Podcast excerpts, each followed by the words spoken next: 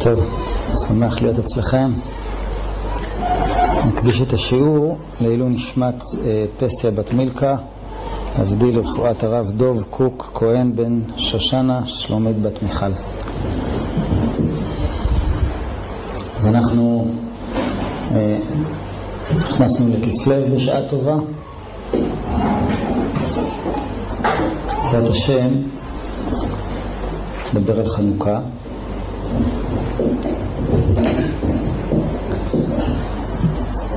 כולם יודעים שבחנוכה אנחנו נלחמים בכפירות של יוון. זה דבר מפורסם, כולנו שמענו על זה ויש בעולם כפירה, כולנו יודעים את זה ואנחנו נלחמים ומדליקים אור קטן בחושך והאור של האמונה מתגבר על האור של הכפירה.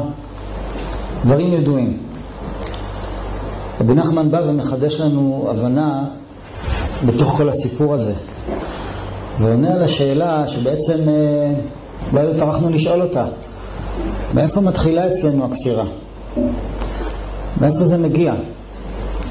כמובן אנחנו יודעים את העיקרון שהכוח של יוון זה לא משהו חיצוני, זה משהו פנימי הבעיה שלנו זה עם המתייוונים והחידוש הגדול של רבי נחמן כמו שלמד אצל הבעל שם טוב שהאויבים האמיתיים שלנו הם מבפנים, לא מבחוץ. מבפנים זה לא בשכונה שלי, אלא בתוכי ממש.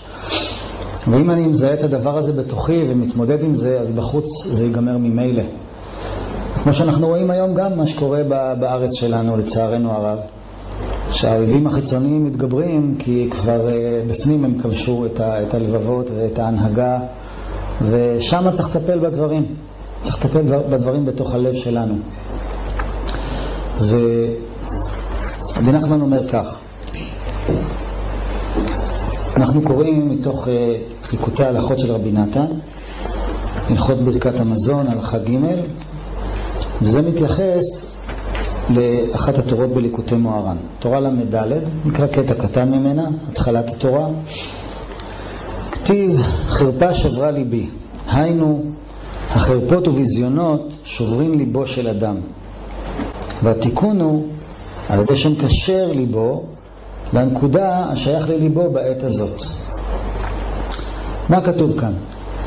רבי נחמן מדבר על פסוק שדוד המלך כותב בתהילים. דוד המלך אומר כך: חרפה שברה ליבי ואנושה, ואקווה לנוד ועין ולמנחמים ולא מצאתי.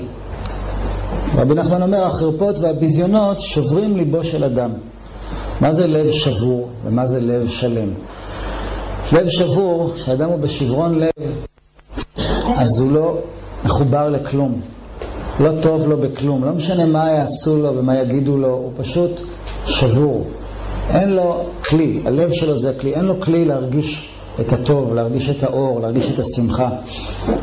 אז דוד המלך אומר, חרפה שברה ליבי, מה ששובר לי את הלב, זה חרפה, מה הכוונה חרפה?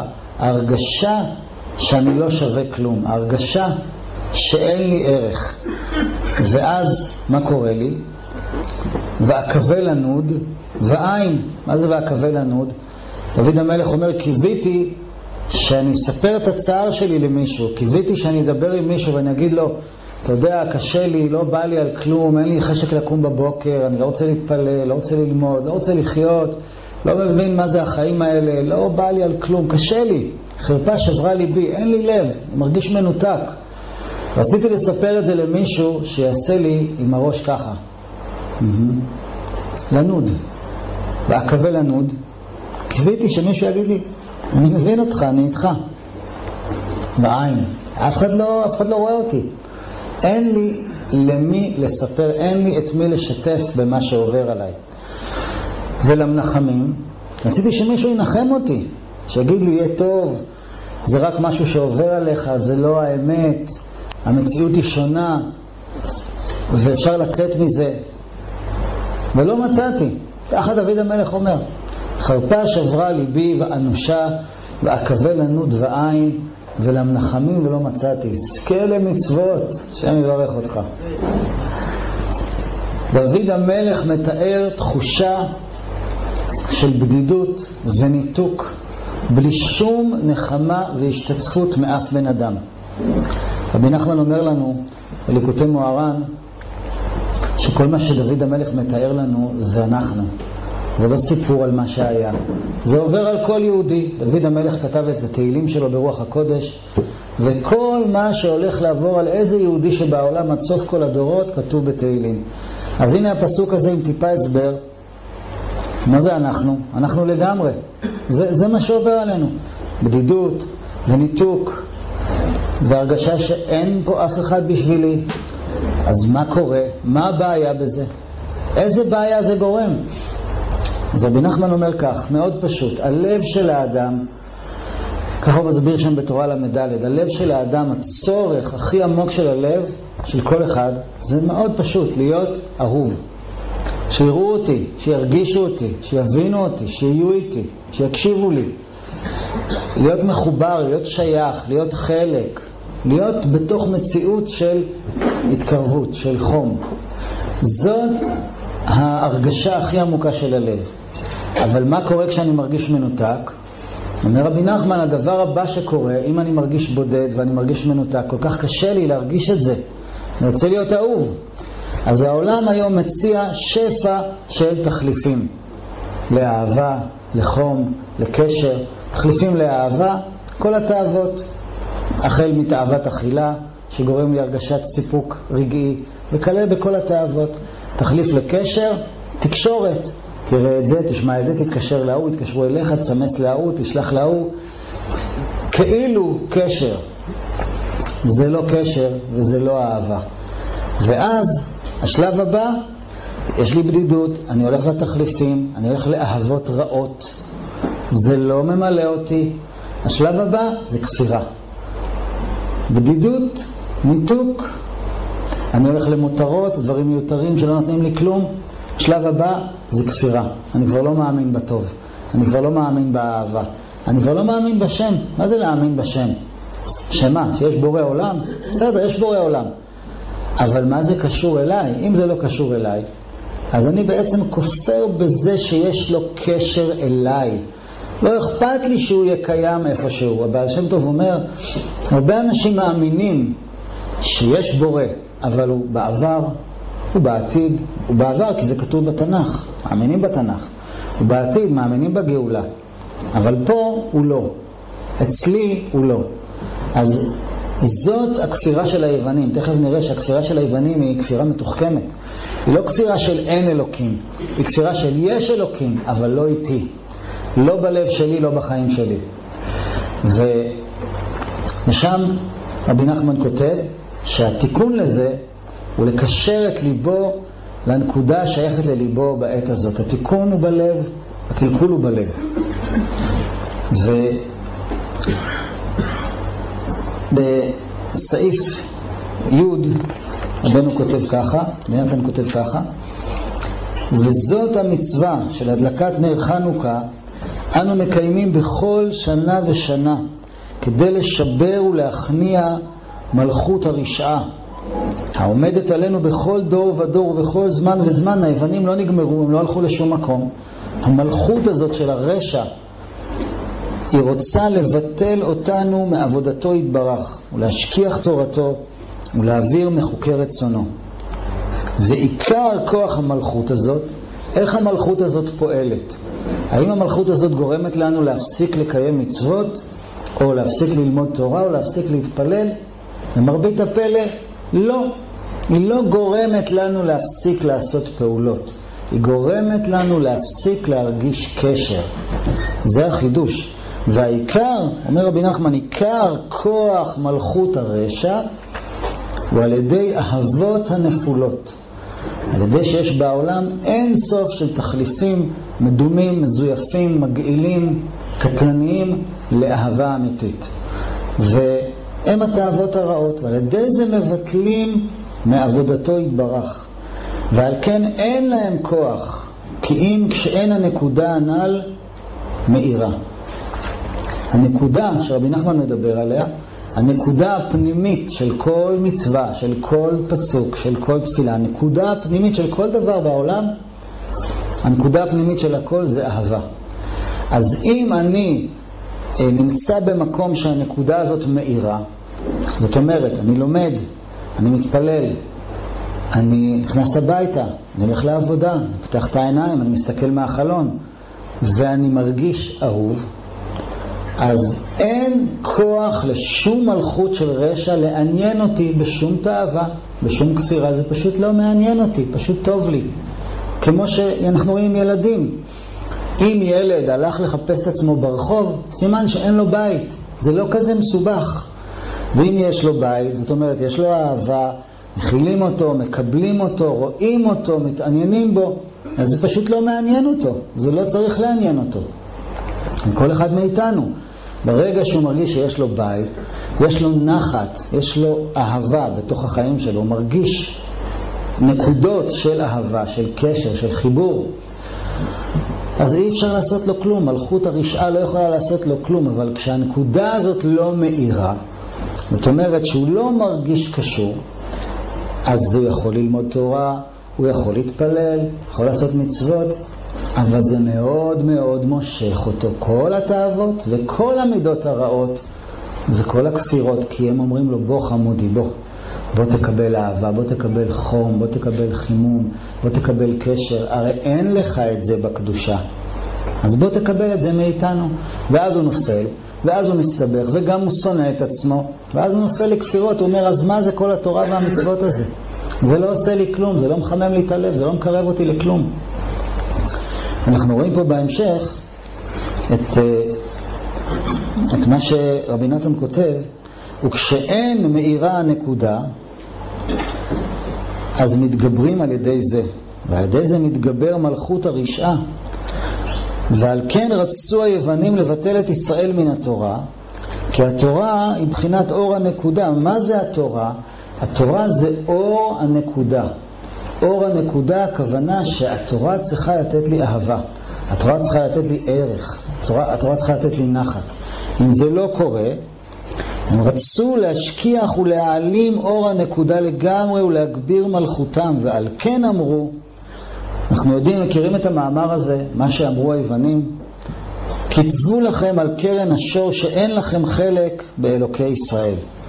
כי ישראל נקראים חלק אלוקה ממעל, מבחינת כי חלק השם עמו. וכן השם יברך נקרא חלקנו וגורלנו, כמו שכתוב השם מנת חלקי וחוסי, אני חלקך ונחלתך. ראיתי באיזה מפרש, למה היוונים אמרו שצריך לכתוב את העניין הזה על קרן השור? מה קרה בקרן השור? לכתוב את זה על הדלת, לכתוב את זה בשלטי חוצות, לכתוב את זה בעיתונות. מה הקטע של קרן השור? אז אחד המפרשים אומר דבר מאוד מעניין. הוא אומר שקרן השור, זה היה פשוט מאוד, הבקבוקי תינוקות שלהם. הם נותנים לאכול לתינוקות עם קרן של שור, כמו שאנחנו עושים בבקבוק לתינוק. אז מה זה נקרא כתבו לכם על קרן השור? תחדירו את הערכים האלה לילדים מקטנותם. כשתינוק ישתה חלב, אז יחד עם זה, כשהוא יתחיל להבין מה קורה, הוא כבר יראה שכתוב שם את הסמל שלנו, הוא כבר יראה את הסמלים שלנו, הוא כבר יראה את הערכים שלנו. אתם תכניסו את זה עם החלב לילדים. את מה? את מה? את מה אנחנו קיבלנו כולנו יחד עם החלב? מה קיבלנו? אין לנו חלק באלוקי ישראל. תראו, זה מאוד מתוחכם. הם לא אומרים אין אלוקים. אין בעיה, יש אלוקים, אבל זה לא קשור אליי. אין לי חלק בזה. אין לי קשר. אלוקים זה דבר רחוק, זה דבר מנותק. זה לא קשור אליי. זה לא העניין שלי. זה, זה המסר הכי עמוק שהתרבות של היום מכניסה לנו. והרמב"ם כותב בשמונה פרקים שכל ההשקפות עולם של האדם הן נכנסות אליו ובאות אליו מהילדות. ו... ואז יש קצת בעיה. מה הבעיה? שהוא לא יכול להתגונן. אין לו דעת להבחין בין טוב לרע. הוא לא יודע מה נכון ומה לא נכון. אז מה שאומרים לו ומה שמשדרים לו עוד יותר, פשוט נכנס לו לדם. ולפי מה שרבי נתן אומר כאן, זה המסר הסמוי הכי עמוק שקיבלנו. אין לנו חלק באלוקי ישראל. מה הכוונה? שגם אצלנו זה היה כתוב. זה אומר שקיבלנו מסר שכל הטוב שיש בעולם זה באמת לא קשור אליי. אני, אני לא טוב, אני לא אהוב, אני לא רצוי, אני לא חשוב. זה לא צריך להיות מתוחכם לעשות את זה. אם ילד חוזר הביתה וההורים שלו אה, מדברים איתו אבל לא מתעניינים בו באמת ורק רוצים לעשות וי על זה שדיברו איתו, אז מה המסר שהוא מקבל? זה לא צריך לתת לו מכות, לא צריך להתעלל בו. פשוט צריך לא להתעניין בו באמת ולא לאהוב אותו באמת. ודאי שכל מי שעכשיו יש לו ילדים מתמלא בייסורי מצפון. אבל זה גם מה שאנחנו עברנו, וזה ירושה של יוון שאנחנו מעבירים הלאה. אתה לא באמת מעניין, אתה לא באמת אהוב. זה הכל סמלי. אומרים לך שאתה אהוב. מה זה עולם סמלי? אומרים את הדברים הנכונים, אבל אין אף אחד מאחורי זה שאומר את זה. האישה שואלת את בעלה, אתה אוהב אותי? ואז הוא אומר, בטח שאני אוהב אותך.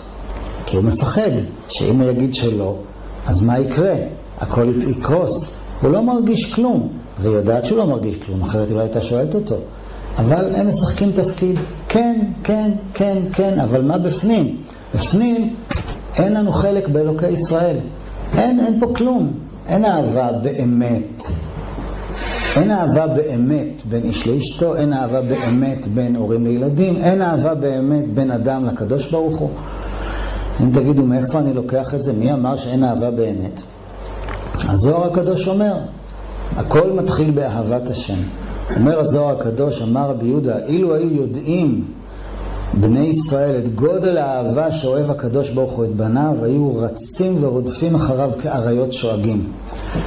אז הזוהר אומר, אם היו יודעים, אז לא יודעים. בן אדם יגיד, לא, למה? אני דווקא כן יודע, אני דווקא כן, אני כן בעניין. בוא נראה איך אתה בעניין. אם היית בעניין, אתה יודע מה היה קורה?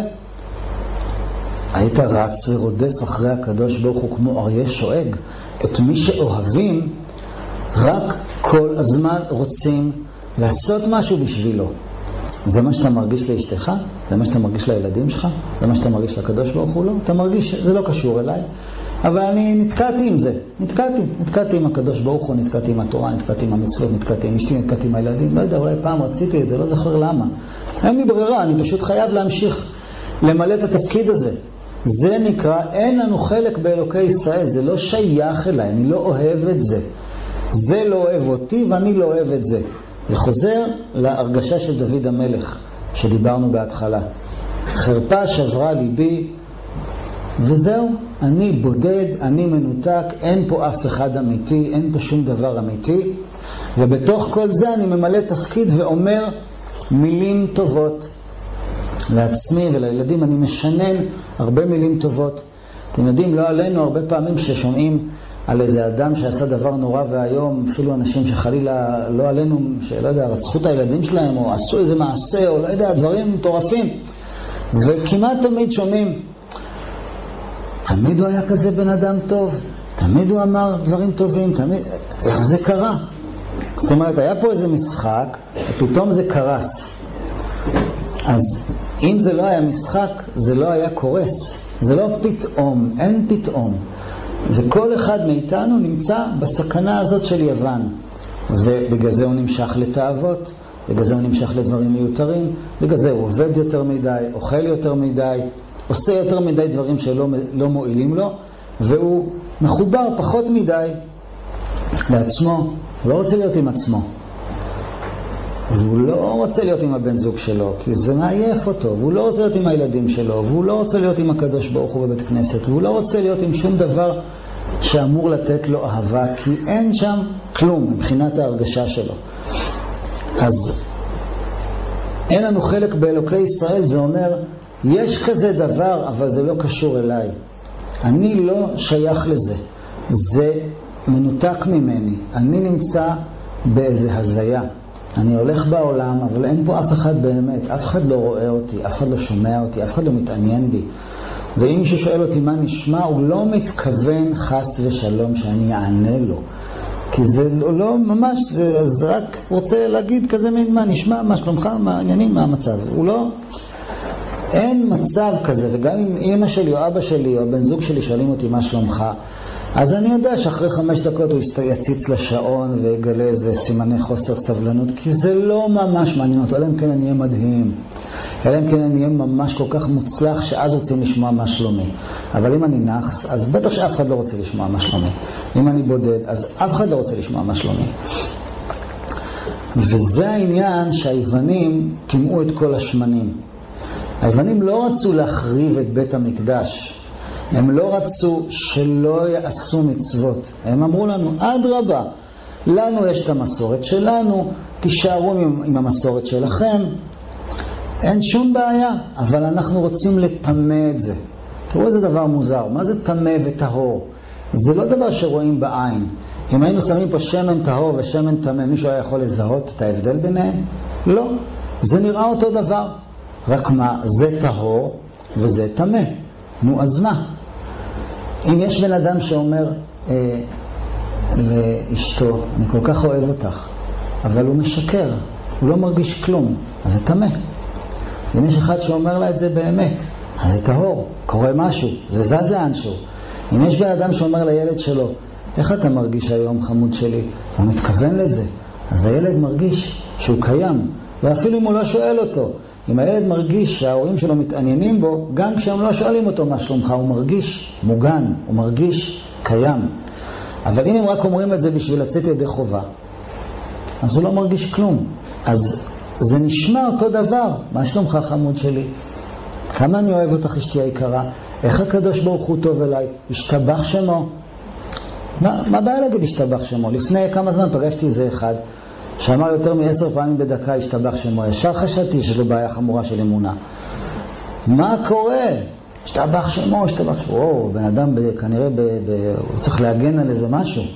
מה קרה? ואחרי עשר דקות הוא בא וסיפר לי שהוא בשאול תחתיות ומתחתיו. אז מה השתבח שמו? לא, ברוך השם. מה ברוך השם? תגיד, אני לא מרגיש כלום, אז אפשר להתרפא. לא, צריך להמשיך להציג את הסמלים. השתבח שמו, הכל טוב, אין בעיה, הכל בסדר, אנחנו אחלה, יש לנו בית טוב, יש לנו זה, ילדים טובים, אישה טובה, הכל טוב, הכל נהדר, הכל דבש, הכל דבש, הכל דבש, וואי, איזה דבש, מה דבש? אתה מרגיש כמו שאתה לא קיים.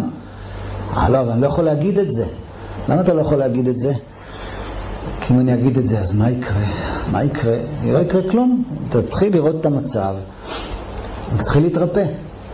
אבל הנקודה הפנימית זה אין לנו חלק באלוקי ישראל. זה מה שכתוב לנו מילדות על העריסות. הכל מנותק, כל, כל הסרטים, כל התקשורת, כל המילים, כל מה שאנחנו שומעים וקוראים, זה לא קשור לכלום. התרגלנו לשמוע אין סוף של טקסטים, לא רק בתקשורת, גם בבית, שלא קשורים לכלום. אין לזה כיסוי, זה מילים, מילים, מילים, מילים. אז כנראה שאין כלום בעולם, חוץ מתדמית. חוץ מאיך זה נראה. העיקר שזה יהיה, ייראה יפה. וזה יותר גרוע מלהרוג, להשמיד ולאבד את כל היהודים. כי כשבא מישהו ורוצה להרוג אותי, אני מתחיל להילחם. אבל כשבא מישהו ורוצה לחבק אותי, ועם החיבוק שלו הוא מקפיא אותי כי הוא שונא אותי, אז אני גם כן, הוא כבר הרג אותי, הוא הרג ואיבד והשמיד אותי, והנה אני ממשיך ללכת. הוא הרג את הלב שלי, ואני ממשיך להיות בן אדם סמלי. אני באופן סמלי עושה את כל מה שאני עושה. אני עושה מעשים, אני אומר מילים, אני אשמע בוקר טוב, השתבח שמו, הכל בסדר, הכל נהדר, עניינים, הכל דבש. איזה דבש? אני קפוא מבפנים. כי מישהו נגע בי עם קרח, וחיבק אותי ואמר לי שהוא אוהב אותי. וזה ככה בכל דבר, זה אפילו בדרשות של רבנים. אחי ורעי, זה מילים יפות, נכון? אחי ורעי. אחים שלי, רעים שלי. אבל הרבה פעמים האחי ורעי הזה, הוא מכיל גושים של קרח ו- ומקלות על הראש. אחי ורעי, מה העניינים? אני מעליכם, אתם אפסים, מה קורה איתכם? תתעוררו. איזה אחי ואיזה רעי. אז זה לא משנה מה אומרים, השאלה מאיפה זה בא. יש מישהו בעולם הזה בכלל שאכפת לו, שרואה אותי, שכואב לו ממני? הקדוש ברוך הוא בכלל נהיה רחוק, הוא בכלל נהיה באיזה חלל מעבר, לא יודע לאיפה. וגם בני אדם סביבי הפכו להיות רוחות רפאים. אז להרוג, להשמיד ולאבד אותי מבפנים, זה להקפיא לי את הלב ולהשאיר אותי קליפה מתפקדת. זה נקרא לטמא את השמנים. יש פה שמן, תדליק נר, תעשה, תעשה, תתפלל, אין שום בעיה. תתפלל ותעשה את הכל ותלמד ותחיה ותלך לעבודה ותחזור הביתה ותגיד שלום לאשתך ולילדים, תעשה את הכל, אבל לא באמת. זה כל מה שרצינו. אין לנו חלק באלוקי ישראל, לא שאין אלוקים, יש אלוקים, אבל זה לא קשור אליי, זה מעולם לא היה קשור, זה מעולם לא יהיה קשור. אז מה, מה התיקון לזה? אז קודם כל צריך, אה, צריך להבין את, את הנקודה הזאת, ש, שאנחנו נגועים בה, כל העולם נגוע בה. זה הכל תדמיתי, הכל זה איך אני נראה, ואיך להגיד את המילים הנכונות, ומה עונים על זה, ומה עושים במקרה כזה. אפילו, אפילו שבן אדם אה, בא לדבר, אפילו אנשים של תורה, הם הולכים לקורסים לתקשורת. הייתי פעם באיזה שיעור ושאל אותי אה, אחד המשתתפים, תגיד, אתה למדת את הסדנה של איזה אמריקאי אחד שמסביר איך, אה, את השיטה הזאת והזאת? אמרתי לו, לא, לא למדתי אף פעם שום דבר, זה לא... אמר מה, ואתה בדיוק עושה את זה. אתה לא יודע על מה אתה מדבר. אני פשוט משתדל להיות אמיתי, אני לא, לא עושה שום דבר. אמר לי, לא, זה ממש בדיוק מה שלמדנו. למדנו איך נראה בן אדם שמרגיש משהו. למדנו איך נראה בן אדם שמאמין במשהו. תעשה ככה עם היד, תחייך, אז זה יעבור. זה שקרנות. תלמד איך נראה משהו למרות שאתה לא שם. אז איך אתה רוצה בכלל להגיד משהו? חז"ל אומרים, אם הרב דומה למלאך השם, תורה ישמעו מפיהו, תורה יבקשו מפיהו. איזה מין הנחיה זאת? חז"ל אומרים, תקשיב, אם אתה רוצה לשמוע תורה, תחפש רב שדומה למלאך. איפה אני יודע איך נראה מלאך? לא ראיתי בחיים שלי מלאך. לא, אבל אם לא, אז תיזהר, זה מסוכן. אם לא, אז תתרחק ממנו. איך אני יודע מה זה מלאך? הפירוש המילולי של המילה מלאך זה שליח. אם אתה מרגיש שדרך הרב הזה הקדוש ברוך הוא מדבר אליך, הטוב מתגלה אליך, הלב שלך נפתח, אז תלמד ממנו תורה. הוא שליח של השם, השם הטוב. אבל אם אתה לא מרגיש את זה שהוא שליח, אם אתה מרגיש שהוא מסתיר את השם, שהוא לא מקרב אותך, הוא לא פותח אותך, הוא רק סוגר אותך, הוא רק מאיים עליך, אל תלמד, הוא לא, הוא לא שליח של אף אחד, הוא בא בשם עצמו, לעשות לעצמו כבוד או שם, אז תברח מזה. והעבודה שלנו, המלחמה שלנו ב, ב, ביוון, זה לחפש איפה יש לי חלק. איפה החלק שלי באלוקי ישראל? איפה זה קשור אליי? קשר. לחפש קשר. זה המלחמה ביוון. איפה הנקודה? איפה האהבה? איפה האור של התורה? לא איפה המעשים. המעשים לא הפרו ליוונים, תעשו מה שאתם רוצים. תפתחו בתי מדרשות, תתפללו, תעשו מה שאתם רוצים. כמה פעמים יצא לנו לשמוע דברי תורה שאחרי זה אנחנו אומרים, מה, זה הסיפור? טוב, נו, כנראה שזה הסיפור. אבל זה לא הסיפור, זה, זה צריך להיות משהו אחר. דוד המלך אומר, ברצח בעצמותיי, חרפוני צורריי, באמרם אליי כל היום, איה אלוהיך. תראו איזה פלא. דוד המלך אומר שהצוררים שלו הם באים מבפנים. הם אומרים לו משהו מבפנים כל היום, כל היום.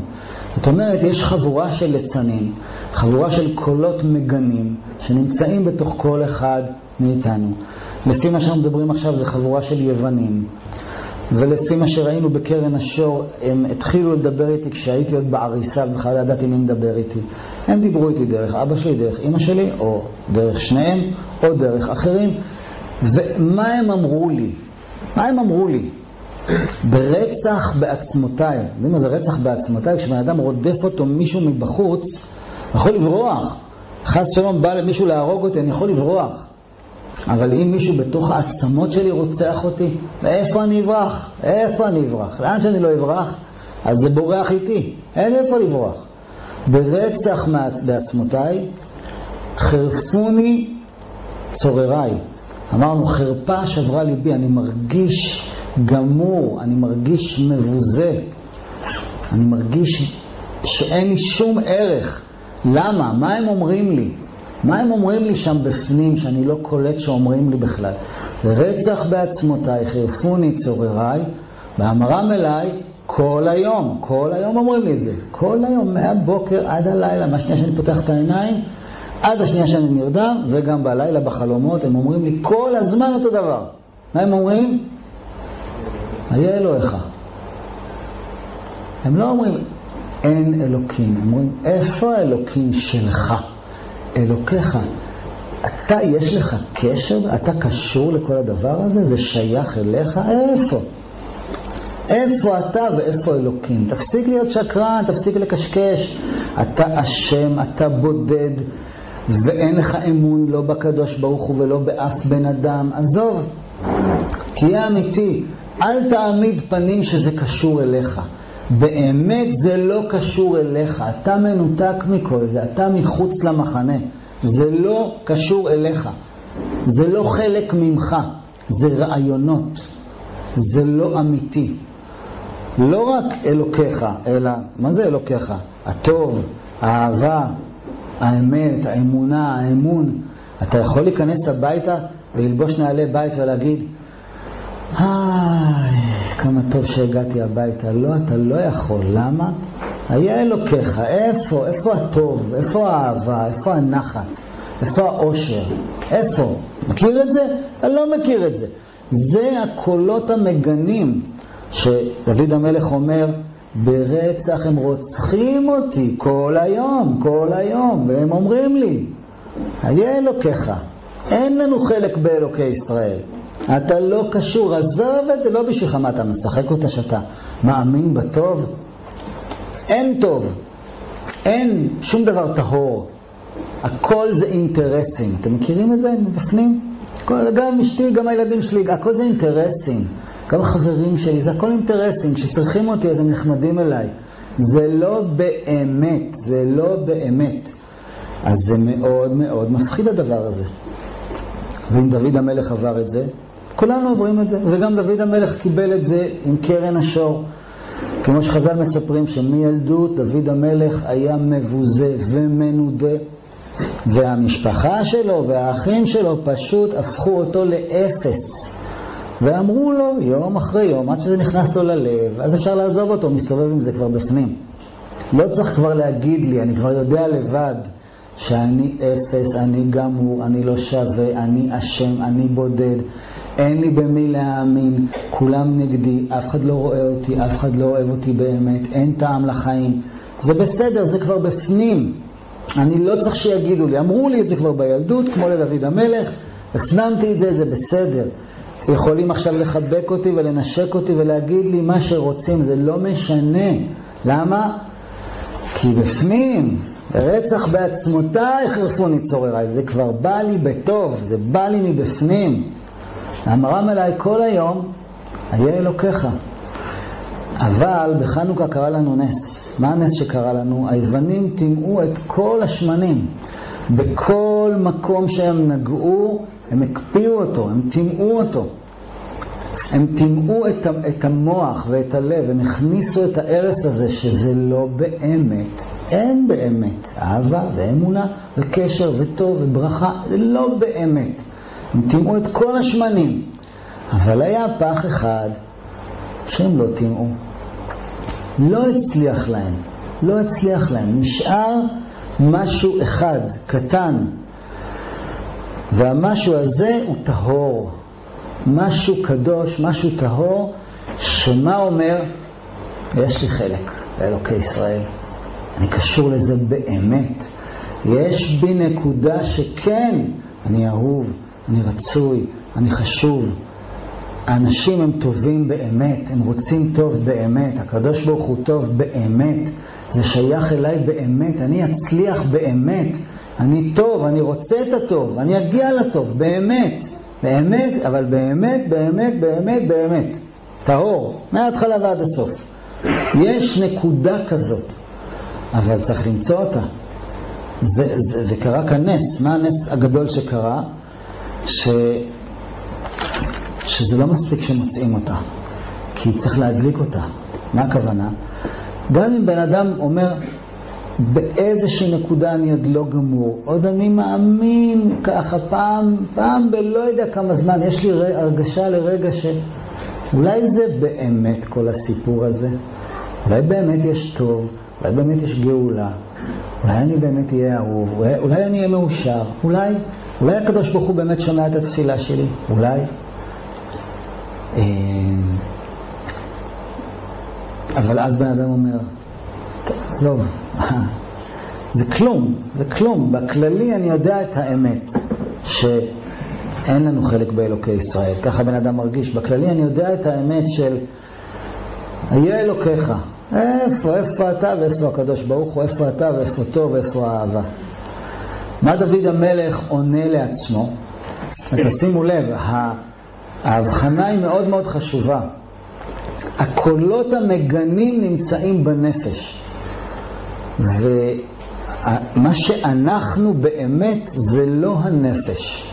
אנחנו נשמות קדושות, והנשמה, כמו שהנפש רואה את הכל מלמטה, והיא ספוגה בקולות מגנים שפגשו אותם כשהיה רק נפש, כשאדם היה ילד היה רק נפש ועוד לא התפתח שום דבר אחר, אבל יש רוח ויש נשמה. והנשמה זה מה שרואה את הכל מלמעלה לגמרי ומאמין לגמרי ומחובר לגמרי. והרוח זה ההכרה שלי. זה החלק שמזהה את שני הצדדים שנלחמים, את הנפש שלא מאמינה בכלום, רק ברעל שהרעילו אותה, ואת הנשמה שמאמינה בהכל, אבל היא מאוד גבוהה ורחוקה, והרוח זה אני. אני צריך לדבר עם הנפש. אני צריך לדבר עם עצמי. אני צריך לענות לקולות המגנים שבתוכי. זה מה שדוד המלך עושה. מה תשתוכחי נפשי ומה תאמי עליי? בהתחלה הוא מסביר, ברצח בעצמותיי חירפוני צוררה, יש לי הרבה קולות מגנים מבפנים. אין לי חלק באלוקי ישראל, לא קשור אליי כל הדבר הזה. בוא נהיה רעים, בוא נהנה, בוא נהיה אינטרסנטים כמו כולם, אין אמת, אין כלום. דוד המלך אומר, רק שנייה, רק שנייה. זה רק קולות בנפש. זה רק יוונים מסתננים לי לתוך המערכת. זה לא האמת. אז אני עכשיו אתן תשובה. מה התשובה? מה תשתוכחי נפשי ומה תאמי עליי? נפשי, למה את שבורה? למה את מייללת כאילו הכל אבוד?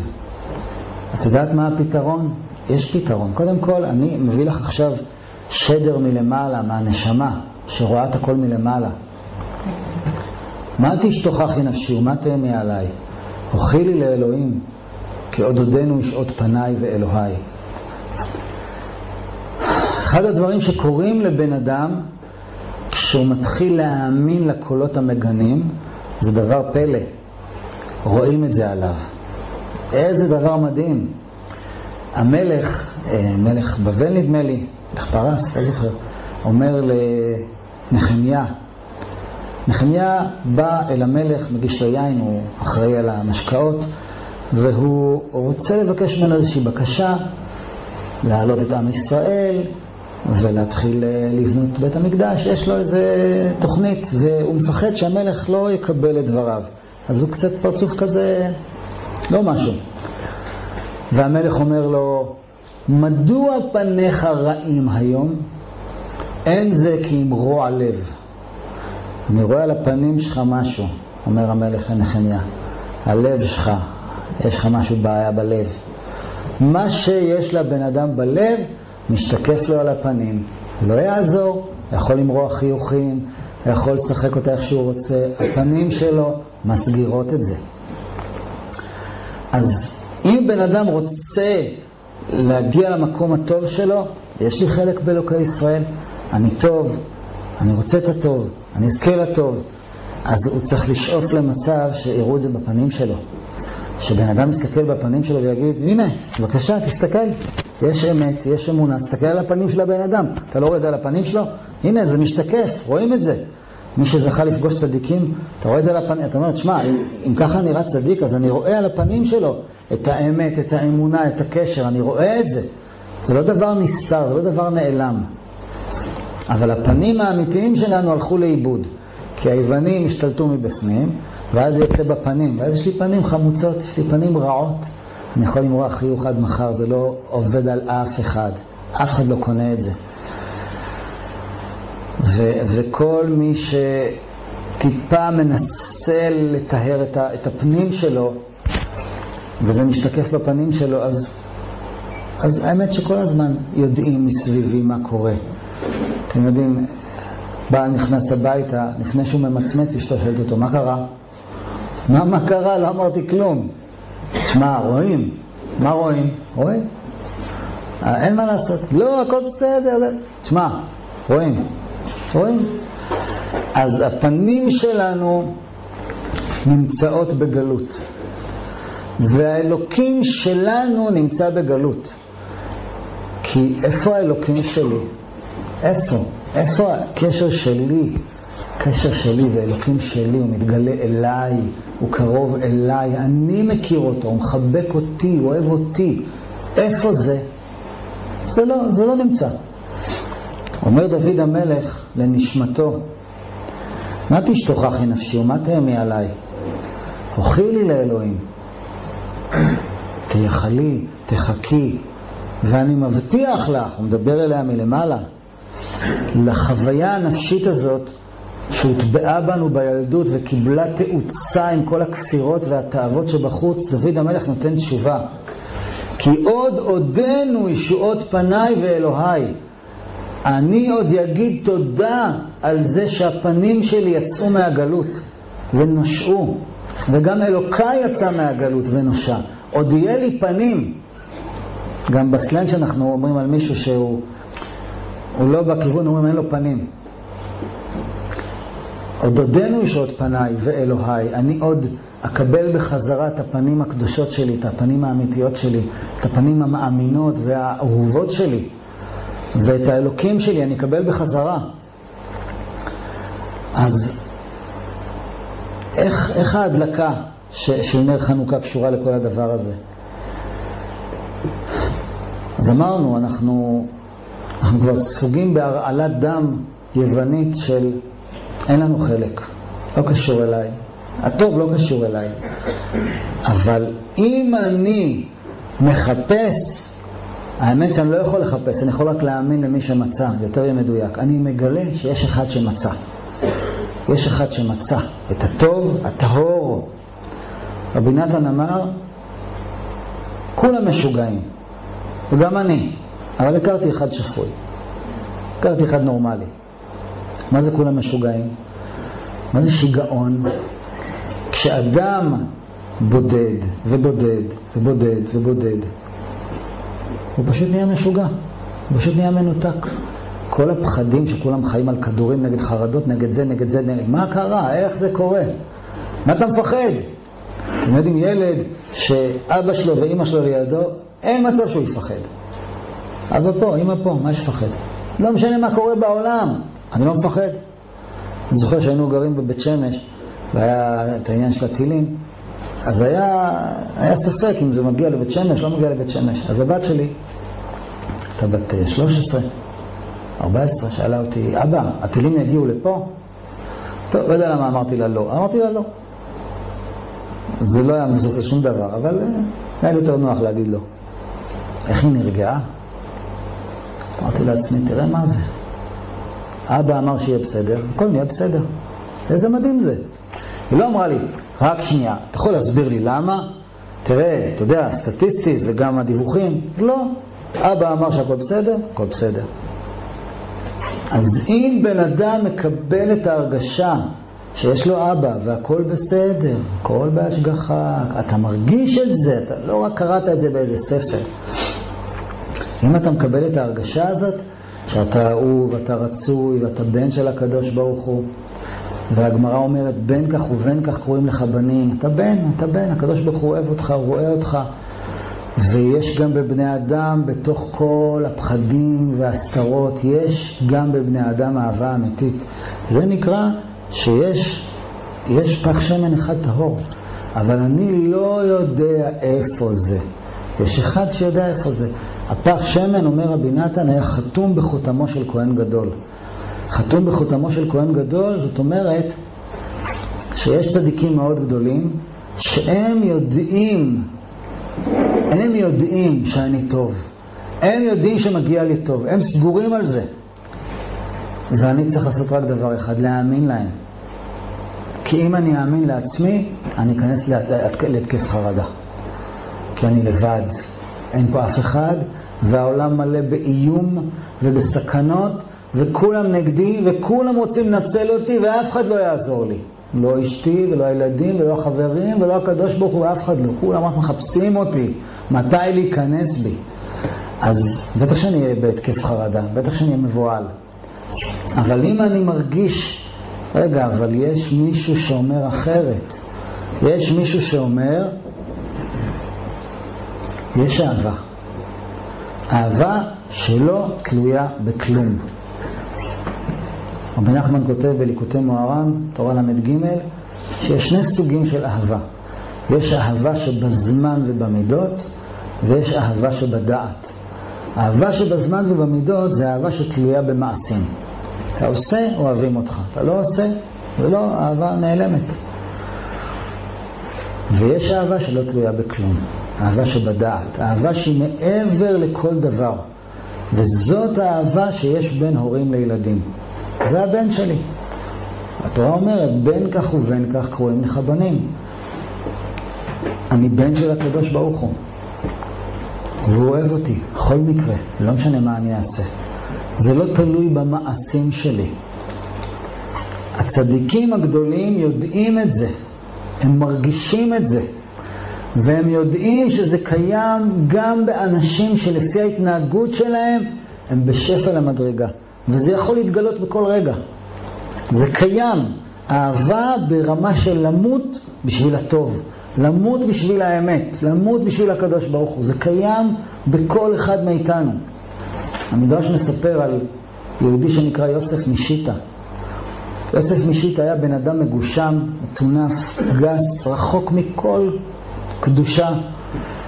וכשנכנסו האויבים לבית המקדש ורצו להחריב, ורצו קודם כל לבזוז את הכל, אז הם אמרו, זה לא מתאים לנו להיכנס ולקחת שם משהו, אולי יקרה לנו איזה ברק משמיים, אולי האלוקים של היהודים יהרוג אותנו, נשלח שם איזה יהודי.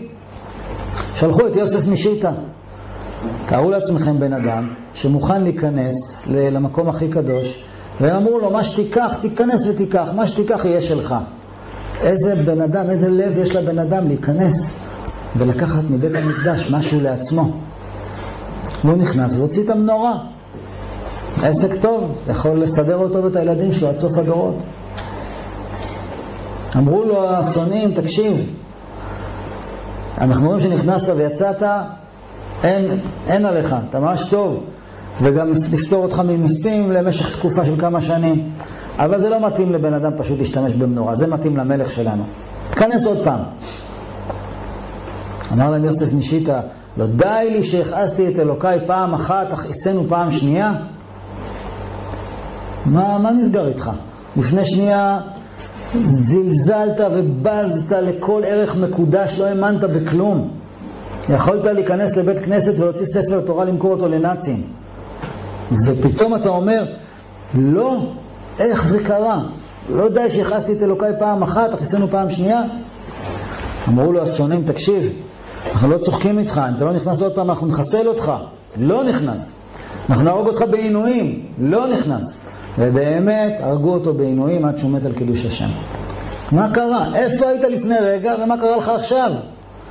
אני אוהב את הקדוש ברוך הוא. אני לא מוכן לעשות לו שום... אבל לפני שנייה היית כן מוכן. לפני שנייה היית בשיא החיצוניות, בשיא הניתוק, לא היה לך שום קשר עם הקדושה, לא ראית כלום, לא ספרת כלום. ירקת על הקדוש ברוך הוא לפני שנייה. אז מה קרה לך? שאתה מוכן למות בשבילו דקה אחרי זה? מה קרה לך? יש את זה בכל יהודי. בכל יהודי יש אהבה נוראה לקדוש ברוך הוא שלא תלויה בשום דבר, ויכול להיות שאם הוא עובר איזה גבול עם עצמו ומגיע לקווים אדומים של עצמו, הוא נדלק כמו לפיד, והוא ימות גם בשביל קידוש השם. כל יהודי. כל יהודי נאמר עליו מה שאומר לנו הפסוק בשיר השירים, מים רבים לא יוכלו לכבות את האהבה ונערות לא ישטפוה. כל יהודי מת על הקדוש ברוך הוא, מוכן לעשות הכל.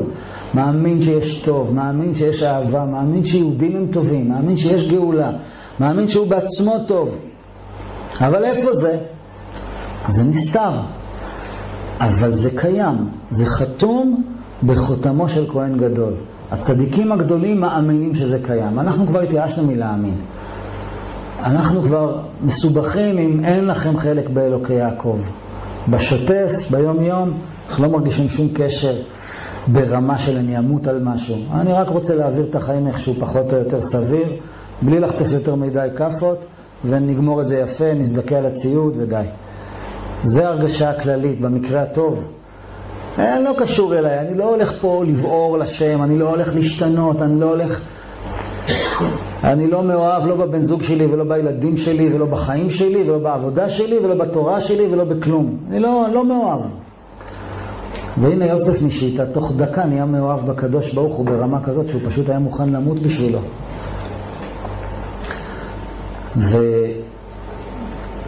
והצדיקים הגדולים, הכהנים הגדולים, הם חותמים את הפח שמן הזה, הם יודעים איפה זה נמצא אצל כל אחד. העבודה שלנו זה להאמין להם. להאמין שבתוך כל הדבר הזה, בתוך כל ה... אין לי חלק, אז יש לי חלק, אני קשור, אני כן קשור. ויש בי אהבה טהורה, ויש גם באנשים אחרים אהבה טהורה. ונכון שזה נראה לי מעט מאוד, הטוב הזה. כמה טוב יש, זה בטל בשישים, זה שטויות. זה נראה ככה. איזה טעם יש להתייחס לזה? גם כשהחשמונאים מצאו את הפח שמן הקטן, למה הם התייחסו לזה בכלל? מה, לכמה זמן זה יספיק? מה זה כבר שווה? נשאר קצת טוב בתוך כל הרוע, בתוך כל השקר, בתוך כל האינטרסים. אז זה זניח, זה שום דבר, זה כלום. הם לא אמרו שזה זניח, הם אמרו אנחנו ניתן לזה את הכבוד שלו, ניתן לזה את המקום שלו. אפילו שזה נראה לנו קצת. יש בי קצת טוב, מצוין. יש לך קצת טוב? בסדר. יש בי עוד קצת, נשאר לי עוד טיפה טיפה אמון בבני אדם. קצת נשאר לי. אולי, אני נותן לזה, כמה סיכוי אתה נותן לזה? סיכוי אחד ממאה. אתה נותן לזה סיכוי? כן, אבל אחד ממאה, עזוב, לא, לא. אחד ממאה? זהו, אתה מסודר. איך אני מסודר? תדליק את זה. תתחיל להדליק את זה. תתחיל להדליק את זה. מה יותר חזק? אחד או מיליון? זו שאלה מכשילה. תלוי מה זה האחד ומה זה המיליון. זו שאלה שיש במדרש על איך תבוא הגאולה. איך תבוא הגאולה אם כל כך מעט יהודים נשארו שקשורים לשם? ומיליונים, מיליונים, מיליונים, מיליונים, מיליארדים של שונאים מקיפים אותנו ורק רוצים לבלוע אותנו, וגם בתוכנו מיליונים, מיליונים, מיליונים, מיליונים של מחשבות מגנות ושנאה עצמית ובדידות וניתוק. אז בחייכם, מה, מה, מה... אז אומרים חז"ל, מה יותר חזק, אחד או מיליון? מה אתם אומרים? טוב, זה ברור מה אתם רוצים, ש... מה, אני, מה אני מצפה לענות, אבל באמת, מה יותר חזק, אחד או מיליון? תלוי מה. אומרים חז"ל, אחד ניצוץ אש ומיליון קש. מה יותר חזק? זה לא קשור לאחד ומיליון, זה קשור על מה מדובר. ניצוץ אחד יוצא מיעקב ומיוסף שמכלה את הכל. מה זה משנה מיליונים? מיליונים מה? מיליונים כלום, מיליונים אוויר, מיליונים שקר, מיליונים דמיונות. אם נשאר משהו, גחל אחד, ניצוץ אחד נשאר, יאללה בוא נדליק אותו. נדליק אותו וזה גומר את הכל, זה מתפשט, זה שורף את הכל. גם אצלי זה שורף את הכל, בתוכי. אם אני אתן מקום לקצת טוב שאני מאמין בו, אני אדליק אותו, אני אאמין בו, זה יישרף. הייאוש, העצבות, הניתוק, התאוות, הכפירות, כל הגלים האלה ששוטפים כל אחד מבפנים והוא מרגיש גמור. איך אני כולי בהתקפי חרדה ובעצבות ובייאוש ובתאוות ובטמטום ובעייפות ואין לי כוח.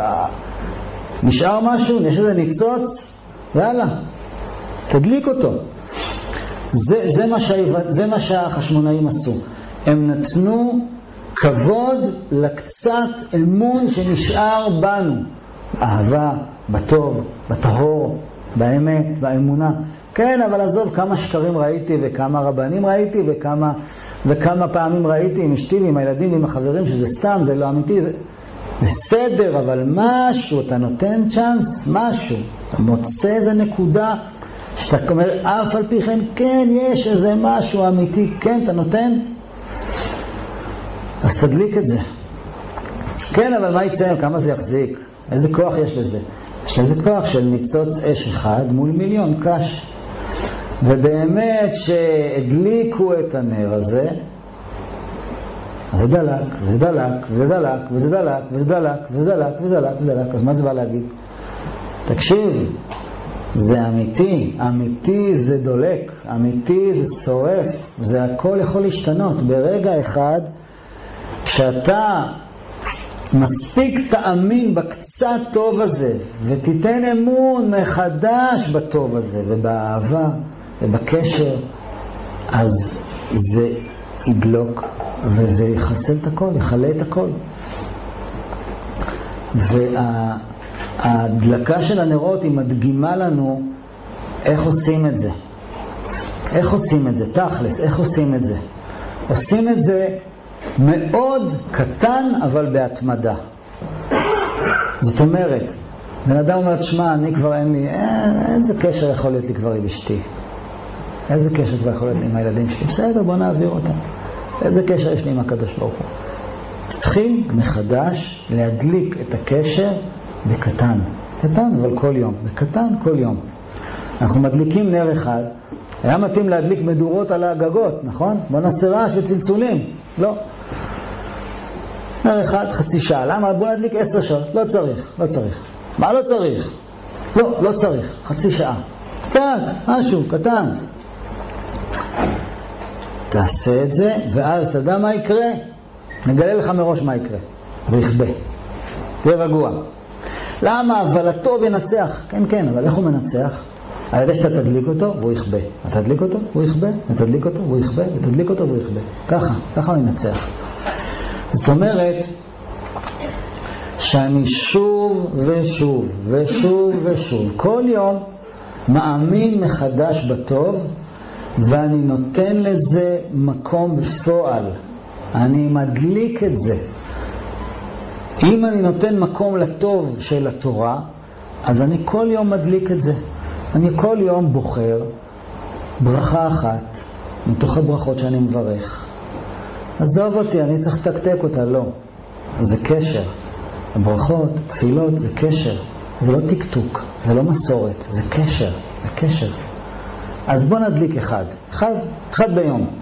אחד ביום אני אגיד פעם אחת, כל יום, פסוק אחד, ברכה אחת, ואני אחפש שם את הקשר, ואני אחשוב על מה שאני אומר. זה הכל, בקטנה, לא, אבל כל יום, כל יום, בוא נראה מה יקרה. לא, אבל זה נכבה, לא קרה כלום. תדליק עוד פעם. תדליק, תדליק, תדליק, תדליק, תדליק. יגיע הרגע שאתה תגיד איזה ברכה, ותרגיש שאתה מתמלא אהבה. תרגיש שאתה מודה לקדוש ברוך הוא, תרגיש שהוא איתך. וזה מה שאתה רוצה. והנה זה אמיתי. וואלה, זה אמיתי. מה, רק מברכה אחת? כן, תעשה את זה יפה, לאט, בקטנה. כל יום בקטנה. עוד פעם. אה, אבל זה נחבא. מה, מה, איפה זה? כן, לפני, לפני כמה שעות הייתי ברבי שמעון, והיה לי איזה רגע שהרגשתי, וואי, הקדוש ברוך הוא שומע אותי. אבל כבר שכחתי את זה מיליון פעם מאז. אז מה הטעם לעשות את זה מחר שוב? כן, אני אעשה את זה מחר שוב. אני אחפש מחר שוב רגע אחד של קשר עם הקדוש ברוך הוא, ואני אדליק אותו, אני אעריך אותו. אני אגיד, יאללה, זה אמיתי, זה אמיתי, זה האמיתי. לא, אבל הנה זה נחבא, זה נגמר, זה נעלם, אז מה? מחר אני אדליק עוד פעם, מחר אני אדליק עוד פעם.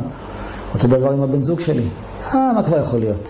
אה, בסדר, התרגלנו, בסדר, עזוב, פחות או יותר, איכשהו, נעביר אותה. לא, יש פה משהו אמיתי, תחפש פעם אחת להגיד משהו אמיתי. לא חייב להגיד, אני אוהב אותך אמיתי. יכול להגיד גם, אני מרגיש רחוק היום, אמיתי. יכול להגיד גם, סליחה שלא שמתי לב לקיומך, אמיתי. או, הייתי רוצה שנתקרב, אמיתי. אחד, אחד, לא, אחר כך תמשיכו אה, כרגיל. אחד, אחד אמיתי, נדליק אותו, נדליק, אמיתי. עם הילד שלך. תשב חמש דקות, דקה, ותהיה איתו לגמרי. מה שלומך? אל תשפוט אותו, אל תגיד לו מה לעשות, מה נכון, מה פה, מה שם. תהיה איתו, תאהב אותו. תראה לו קשר, אני אוהב אותך. מה נשמע? אתם יודעים, יש הרבה פעמים ילדים שבגיל, לא יודע איזה גיל, גיל העשרה ומעלה, מתמרדים ועושים בלאגן, ואז אומרים להם, למה, מה קרה? אז הם אומרים, אף פעם לא אהבו אותי, אף פעם לא חילקו אותי, אף פעם לא דיברו איתי. זה אם הם, הם, הם תופסים מה בעצם קרה. ויכול להיות הרבה פעמים שאתה בא לאבא, אתה בא לאמא ואתה שואל, תגיד, הילד אומר שלא אהבו אותו, אז ההורים משתגעים. מה לא אהבו אותו? אתה יודע כמה חיבקנו אותו, כמה נשקנו אותו? תשים לב, כמה פעמים חיבקת אותו ונשקת אותו מיוזמתך, כדי לאהוב אותו. ולא שהוא אמר לך תחבק אותי, ולא שהוא בא והתפנק עליך, ולא שבאת עכשיו מתוך איסורי מצפון לחבק אותו. מתי, כמה פעמים זה היה טהור?